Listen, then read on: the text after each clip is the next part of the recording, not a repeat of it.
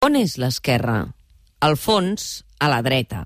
Pancarta a l'acampada de plaça Catalunya al maig del 2011. El racó de pensar. Un moment, no ens precipitem, primer pensem. Un moment, no ens precipitem, primer pensem. Jo pense, tu penses... David Fernández, molt bon dia. Bon dia. Benvingut al teu racó de pensar. Moltes gràcies, igualment. De què parlem avui? De moltes coses. Ah, val, d'acord. De Doncs moltes res, coses. deixa. Ah. Sí, Va, i, i moltes candents. No, avui pues, parlarem de... Mira, parlarem d'un llibre de l'Ignasi Sánchez Cuenca, molt lúcid, el darrer que ha tret, que es diu La izquierda fin de un ciclo, el un sí. entre, entre parèntesis, perquè ell no sap si és un fi, és un fi de cicle, però que parla del... Bueno, parla del passat, parla del present i parla, i parla del, del futur, però també mm, de forma molt actual, no? Parlarà d'aquest... Eh, podem parlar amb un mirall eh, amb la conformació d'aquest nou govern a l'estat eh, espanyol. Sí, aquest matí que entrevistava en Jaume Sens i ens deia bueno, hi ha moltes expectatives posades, veurem què podem fer. I en aquest veurem què podem fer jo pensava, mira, precisament d'això parlem avui al racó de pensar, no? De, del que pot fer l'esquerra quan està en governs d'estats europeus o en governs eh, que estan en cicles eh, o en decisions econòmiques que ja no depenen d'ells, no? I exacte, a més, mentre escoltava eh, l'amic Jaume Asens aquest matí també en, aquesta, en aquests micròfons d'aquesta ràdio, també hi pensava, dic, mira, avui parlarem precisament eh, d'això, no? Dels límits. De la frustració democràtica, de la impotència democràtica, que és un altre, un altre llibre molt recomanable de l'Ignacio Sánchez Cuenca, criteri personal i opinió subjectiva per un dels intel·lectuals espanyols eh, més interessants i... que ens acompanyen al racó de pensar d'aquí unes setmanes perquè li, Sí. li demanem de tant en tant que participi amb nosaltres o bé en l'anàlisi del matí o aquesta vegada amb el racó i avui no podia ser perquè tenia, em sembla, no sé tenia molt, de reunions. No, moltes reunions de, de gestió universitària, anem a dir-ho anem a dir així, teoria Però- i pràctica. Però no va ser li, Cebrián que va fer una frase que Sí. ens il·lustra sobre I això? l'hem escollit perquè, perquè d'aquella pancarta no, que amb la que has començat el racó de pensada, On és l'esquerra? al fons, a la dreta, que això té a veure amb la història recent europea, i en parlarem eh, avui, eh, resulta que aquells eslògans que es cridaven en aquelles places indignades, resulta que no, vuit anys després, resulta que fa molt pocs dies, ni més ni menys que Cebrián, eh, Grup Prisa, eh, ens va sorprendre amb, aquesta afirmació. Los gobiernos no regulan los mercados, son los mercados los que regulan los gobiernos. Que passa que això és una manera de molt- treure's les puces de sobre, no? Sí, sobretot perquè ell ha fet moltíssim des del seu grup eh, editorial perquè això fos així, no? Aleshores, eh, és allò, no? Eh, ara que ens vengui una falsa, una falsa innocència, no? Perquè això de és l'economia estúpids, l'altre dia que entrevistava a Tomà Piketty, que ha escrit aquest llibre Capital i Ideologia, i ell, eh, que té moltes crítiques i que hi ha molta gent que, que, que li ha discutit coses eh, d'aquest llibre, però ell eh, deia que la ideologia és el que genera la desigualtat, que al final és els moviments que fan els partits i, i fa una crítica ferotge a l'esquerra Mhm. perquè diu que eh, s'ha acomodat a prop d'aquests poders que al final aquests poders són els que eh, apliquen el domini del, dels, dels mercats i dels estats, no? I és així, jo crec que l'Ignacio Sánchez Cuenca també comença la seva reflexió, que és molt més analítica que propositiva, eh, per sort, eh, anem a dir-ho així, eh, amb, amb, amb el mateix esquema. És a dir, també hi havia en, aquells, en aquell maig del 2011, jo crec que molta més honestedat, per suposat, que, que el senyor Cebrián, l'Antoni Puigverd deia l'utopia concreta dels indignats és que es creuen que la política pot modificar l'economia, no? quan és permanentment, tenim un cicle des de finals dels anys 70 on és l'economia qui permanentment eh, mo- modula i modifica la política i si ara fem una anàlisi de les polítiques europees no, el marge de moviment entre uh -huh. governs és cada cop més estret i és molt poc el que es pot fer però que la política pugui fer poc en l'actual moment és una decisió política que s'ha pres molts anys abans per buidar allò que entra directament l'Ignacio Sánchez Cuenca, que és que el concepte de democràcia com a autogovern col·lectiu i aquesta idea d'autogovern col·lectiu ha estat absolutament derruït eh, no? amb una de- demolició programada que ha deixat eh, el, concepte de sobirania popular en marc estatal absolutament eh, destro, de, destrossat. No? I continuem amb la, amb la mateixa història. Són els, són els mercats els que defineixen eh, les polítiques amb un estrany esquema per evitar el canvi, anem a dir-ho així, eh, que és que estem en la despolitització de l'economia, que això ens porta al TINA, no hi ha alternatives, i al mateix temps la, judiciali la judicialització de la política per evitar cap canvi. Estem entre la doctrina del xoc de la Naomi Klein i això que se'n diu eh, l'AUFAR, no? eh, expedició bèl·lica judicial eh, per impedir qualsevol canvi social. I aquí I- ens podríem anar a Amèrica Llatina, a Turquia o al mateix estat eh, espanyol, I aleshores- eh, òbviament.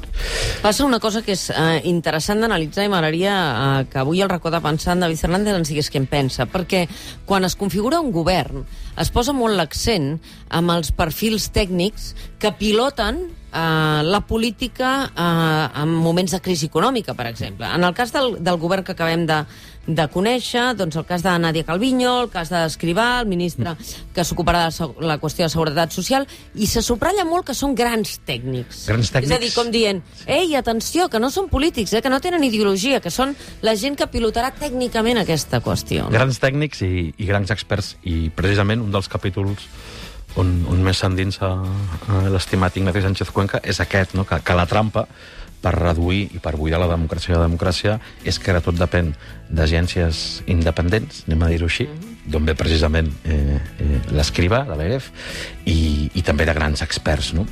I això són realment els, no? eh, els cavalls de Troia, anem a dir-ho així. Sí. És a dir, qui, qui evitarà no? eh, polítiques. Bueno, en un context encara més general, que és que si analitzem el cicle de la indignació o el pèndol, el pèndol de la història, com en vuit anys passen, o poden passar moltes coses, jo recordo un estimat amic d'aquest racó també que deia la indignació del maig del 2011 eren les ganes de viure en comú i l'esclat de Vox són les ganes de matar algú, que és molt diferent, no? O sigui, les ganes de buscar un culpable, no? I, i en forma de, de, de revenja pràcticament nihilista. Eh, ara setmana de Sant Manuel. Castells, en un fax eh, ara fa uns mesos, eh, deia això que m'agradaria que, que valoressis, David. El problema és la frustració de la gent i en particular dels joves que no tenen alternatives ni respostes. És, és mentida que hi ha una democràcia, perquè les eleccions cada quatre anys no són la democràcia. La democràcia és la capacitat dels governs, de les institucions, d'escoltar els ciutadans, de negociar, quan s'ha de negociar, de canviar de, de, de, el programa o les decisions. I aquest, aquest tipus de democràcia més augmenta la frustració, més la, la repressió, que sigui el 155, que sigui més policia, que sigui l'anul·lació de l'autonomia catalana. Senti, hi ha solament dues opcions. Un, finalment els catalans podran votar o hi haurà estat d'excepció permanent a Catalunya per molts anys. I no hi ha una altra solució Señores diputados, la situación es extremadamente grave. Debemos hacer un consenso para meterlo dentro de un marco.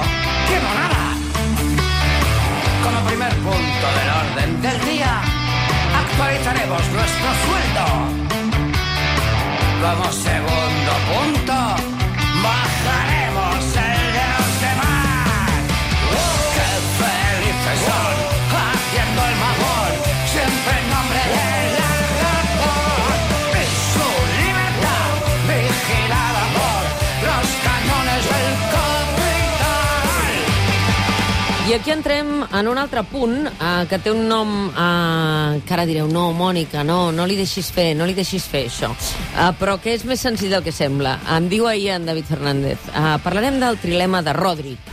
I vaig pensar, bé, eh, el trilema de Rodrik. Eh, tinc a, a joves aquí de 14, 15, 16... 14 anys. Que el futur és seu, Que per el cert. futur és seu, sí, sí, estigueu atents al trilema de Rodrik perquè l'entendreu perfectament. És bé, quan me'l va explicar vaig, vaig pensar, sí, sí, ho podrem explicar. Estan, sí. estan al rerefons d'això que deia Manuel Castells. O Està- democràcia o, o, o què? completament eh, darrere i a més és un, és un trilema, anem a dir-ho així, perquè hi ha tres elements que es poden combinar entre ells, però només es poden escollir dos. Val, I només aquests- podem escollir dos dels tres conceptes que direm ara. I per tant ha diverses combinacions. Vinga. Aleshores, eh, els conceptes són globalització, Sí? sobirania estatal i democràcia. I aquests, tres... els Globalització, sobirania estatal o democràcia. I n'has de triar dos dels tres, però els tres junts no funcionen. I, per tant, de les possibilitats, que això ho explica a bastament en, en, en l'Ignacio, podem triar sobirania estatal i democràcia. Aquesta seria una. Deixaríem fora la globalització. Exacte. Val? Podem triar globalització i democràcia. Sí? o podem triar o podem triar, no, o podem sobreviure globalització i sobirania estatal, Estatal. No? que és la que està guanyant eh, la, la partida. Això és del rerefons del llibre eh, Izquierda, fin de un ciclo, mm. perquè hi ha dos grans eh, tendències a l'esquerra.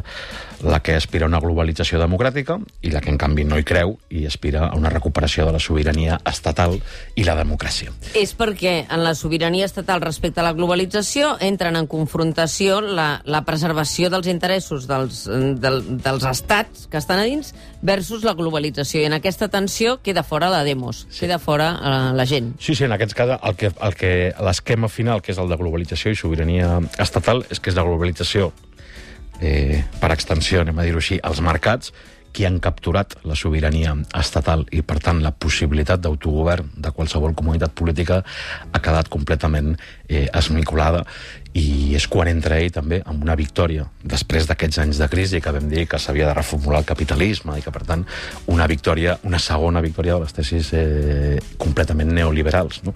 que és que la democràcia queda reduïda una, a treure i posar governs, fonamentalment. No? Cada quatre anys tenim el dret de censurar un govern i posar-ne un altre. O a modelar-los en funció de com sobreviuen en, aquest, uh, en aquesta actitud de la globalització sobre els mercats? Però una forma molt anglosaxona de dir només tens la democràcia cada reduïda, això cada quatre anys eh, un recanvi de les elites. Que això no és una democràcia. En termes grecs és una poliarquia, és a dir, podem escollir quina flexió de les elites ens governen i poca cosa més.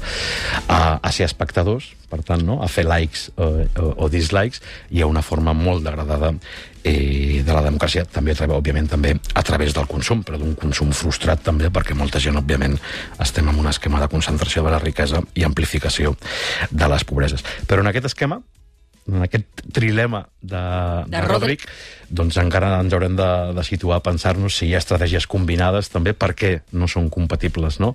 els tres eh, elements, perquè no han pogut eh, ser-ho. Per què no podem fer conviure les sobiranies estatals amb la democràcia? Per què ja no és possible, o s'assumeix que no és possible, la globalització i la democràcia perquè qui realment governa són els oligopolis empresarials, no? Sí, exacte. I perquè, a més, ha tingut una, una, un segon moviment tectònic d'aquesta crisi 2008, 2009, 2009, 2011, aquest cicle de protestes que hem vist a tot arreu, no? des de Xile fins a Catalunya, fins a les vagues generals al Líban, i resulta que després de tot el que hem vist, com pujaven les desigualtats, la pobresa, eh, com creixia la plutocràcia, és a dir, manen els que més tenen, resulta que això que feia preveure en les tesis clàssiques de l'esquerra un moviment cap a l'esquerra, resulta que tot s'ha desplaçat cap a la dreta. És a dir, la dreta s'ha anat cap a l'extrema dreta, Dreta? la socialdemocràcia se'n va anar directament eh, cap al centre dreta i resulta que l'esquerra alternativa que havia de saltar als cels s'ha quedat amb les polítiques socialdemòcrates. És a dir, està reivindicant els gloriosos 30, aquell període que va del 45 al 75, que és molt interessant el que analitza eh, Sánchez Cuenca, perquè recorda que aquell període de 30 anys no està a a Europa monopolitzat per governs socialdemòcrates. Mm -hmm. És a dir, hi ha governs de dretes no? que fan polítiques socialdemòcrates. O, com diria també l'estimat ara fa poc, si algú agafés avui el programa de De Gaulle del 1945 de reconstrucció democràtica o el programa dels, demo, dels democristians alemanys, el titllarien de radical. Anem a veure qui ens ajuda a pensar. Avui és un text breu de Giorgio Agamben que ens, que ens llegeix la Marta Vives i després no us perdeu, si us plau, uh, una metàfora molt clarivident de, de Nacho Sánchez Cuenca uh, que us situarà perfectament a on som com a ciutadans individuals. Anem a algú que ens ajudi a pensar una mica més. En l'actualitat, la crisi ha esdevingut una eina de dominació. Serveix per legitimar decisions polítiques i econòmiques que priven els ciutadans de tota possibilitat de decisió. Els ciutadans europeus han de ser conscients que aquesta crisi sense fi, com un estat d'emergència, és incompatible amb la democràcia. Giorgio Agamben, 2013. No rigues massa de pressa, que se pot glaçar el riure. Atenció a la jugada, que ens pot ploure altra vegada. Aquell de dreta i dret, ara dret i dreta, turet, tureta. Aquell que aconsellava, ara ja fot crits, Estats Units. Estava sentint a Ovidi Molló, que avui has triat. Escolta, és el 24 de gener que obriu el Barnassans, no? No sé de què em parles. Eh, encara, sí sé aquesta cançó parlo. diu... Encara, Escolta, estava recordant-ho només. Sí. En fi... Encara, ah, nois, encara, que, és, que, és, que està escrit al 78 i sembla que la que hem de dir avui amb els nostres amics i amigues, eh, encara, nois, encara, encara estem, encara estem així. Però li hem promès a l'audiència eh, la metàfora de la vida és un aeroport, una societat programada des del desvincle, que dit així eh, sembla molt gros, però el que explica Nacho Sánchez Cuenca en aquest llibre, en poques pàgines, que ara tu has triat tres o quatre eh, paràgrafs que ajudaran a entendre, realment és molt clarivident, eh? Són cinc pàgines, i eh, són només un, un extracte, eh? però diu així. L'aeroport és el lloc que de forma més perfecta encarna el domini neoliberal del nostre temps. O dit d'altra forma, el, el neoliberalisme, dut fins a les seves últimes conseqüències, transformaria les nostres societats en aeroports. A l'aeroport, els vincles socials queden suprimits. Ningú coneix a ningú i, tanmateix, la conducta està tan perfectament regulada que no solen sorgir cap fricció o aldarull. Es tracta eh, del regne de l'individualisme estandarditzats. Els valors del projecte neoliberal són els que es materialitzen en el micromón del transport aeri. Individualisme, consumisme, estandardització, impostos baixos i seguretat. L'acció col·lectiva, les identitats, la protesta, el conflicte, la ideologia, la política, al, cap. I a la fi, res d'això troba un lloc en l'espai artificial de l'aeroport. Si n'hi ha problemes, cada individu reclama per separat. En ocasions una mica extremes, és a dir, quan es produeixen falles múltiples simultànies, poden sorgir formes conjunturals de protesta col·lectiva, però només cal una compensació econòmica per part de la companyia afectada per a que la protesta en binària es dissolgui ràpidament. Aquest aeroport, on nosaltres som només individus, aquí no hi ha col·lectivitat, i on no es protesta, i on et solucionen els problemes, i on t'empenyen a consumir, i on tot està eh, regulat, estandarditzat, aquest, aquest resum que fa és realment, quan ho llegeixes, com et sents que et porta la societat cap aquí, en realitat. No? És que és, és dos, tres coses. Una és la distopia neoliberal. Jo crec que lliga molt amb el l'últim racó de Polanyi, no? de, la, de la gran transformació. Dos, eh, Adolf, Huxley, que deia que la tirania perfecta no? tindria forma de democràcia i seria una presó sense murs on els presoners ni tan sols somiarien evadir-se. I l'altra, com aquest neoliberalisme ha blindat no? eh, de forma subtil i de forma no subtil les possibilitats eh, de canvi i voler-ne sortir, que és una paradoxa que també recorda Sánchez Cuenca, és una cosa és tenir sobirania i l'altra és atrevir-se a exercir-la. És a dir, tots sabem que els estats formalment tenen sobirania, però mirem el mirall grec, que és el més, el més El més salvatge. obvi. O sigui, tothom volia eh, no haver no, de sotmetre's a aquell càstig que, per cert, el senyor Juncker l'estiu passat va demanar perdó pel sofriment infligit. Les dades actuals revelen que el patiment social són assimilables a un escenari postbèl·lic, el nivell de, de patiment eh, social i per tant com s'ha perfeccionat el sistema perquè allò eh, perquè, per a que res canvi no? o dit d'altra forma més altermundista res no canvia mai si res no canvia mai. I aquests han programat que en matèria econòmica continuï, entrem en una fase econòmica de la història que és la tesi final de, del Sánchez Cuenca o a partir de la que qual treballa. Hem passat la fase política de la història on la política podia eh, canviar les condicions de vida de les comunitats a una fase econòmica on hem d'acotar el cap a tot el que digui el mercat i on tot és diner. I en aquest garbuix de canvis de fons, doncs l'esquerra encara no s'ha no s'ha situat. Aquí és on ens deixa Ignacio Sánchez Cuenca i aquí és on ens deixarà el racó de pensar. Amb quina cançó marxem avui, David? Doncs, si no m'equivoco, i si no em falla la memòria, que sempre és una alternativa, amb la primera que vam posar al primer racó i que es diu precisament Condemnats eh, a l'esperança. Va pels nostres amics i amigues.